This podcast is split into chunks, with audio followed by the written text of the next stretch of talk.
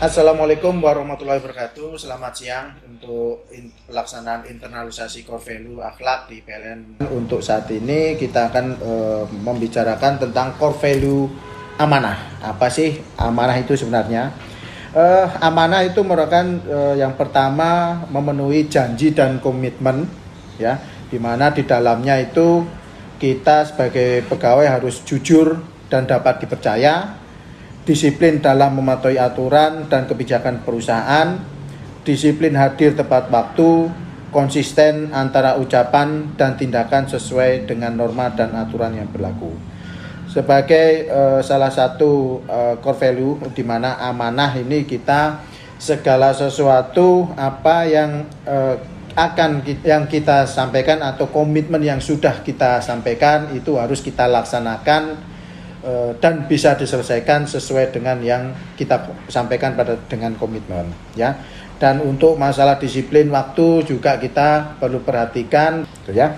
Dan salah satu lainnya juga di sini untuk bicara jujur dan dapat dipercaya segala sesuatu yang kita sampaikan itu e, harus berintegritas ya. Apa yang kita sampaikan itu bisa dipegang dan bisa dilaksanakan dengan penuh rasa tanggung jawab Amanah yang kedua di sini adalah bertanggung jawab atas tugas, keputusan, dan tindakan yang dilakukan.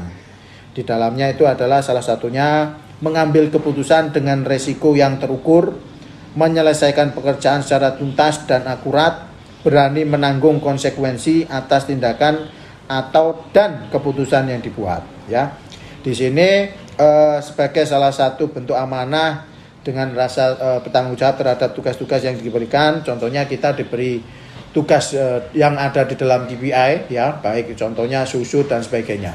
Dalam pelaksanaan uh, target tersebut kita harus uh, laksanakan dengan penuh rasa tanggung jawab.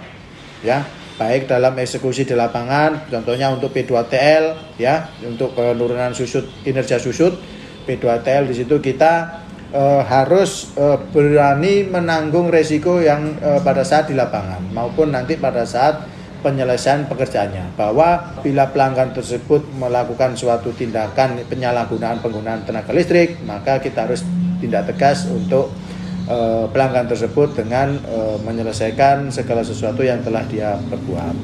Terus yang kedua uh, menyelesaikan pekerjaan dengan tuntas. Segala sesuatu yang diberikan tugasnya kepada kita kita harus bisa selesaikan sesuai dengan batas dan target yang batas waktu yang diberikan dan target yang e, diberikan kepada kita ya.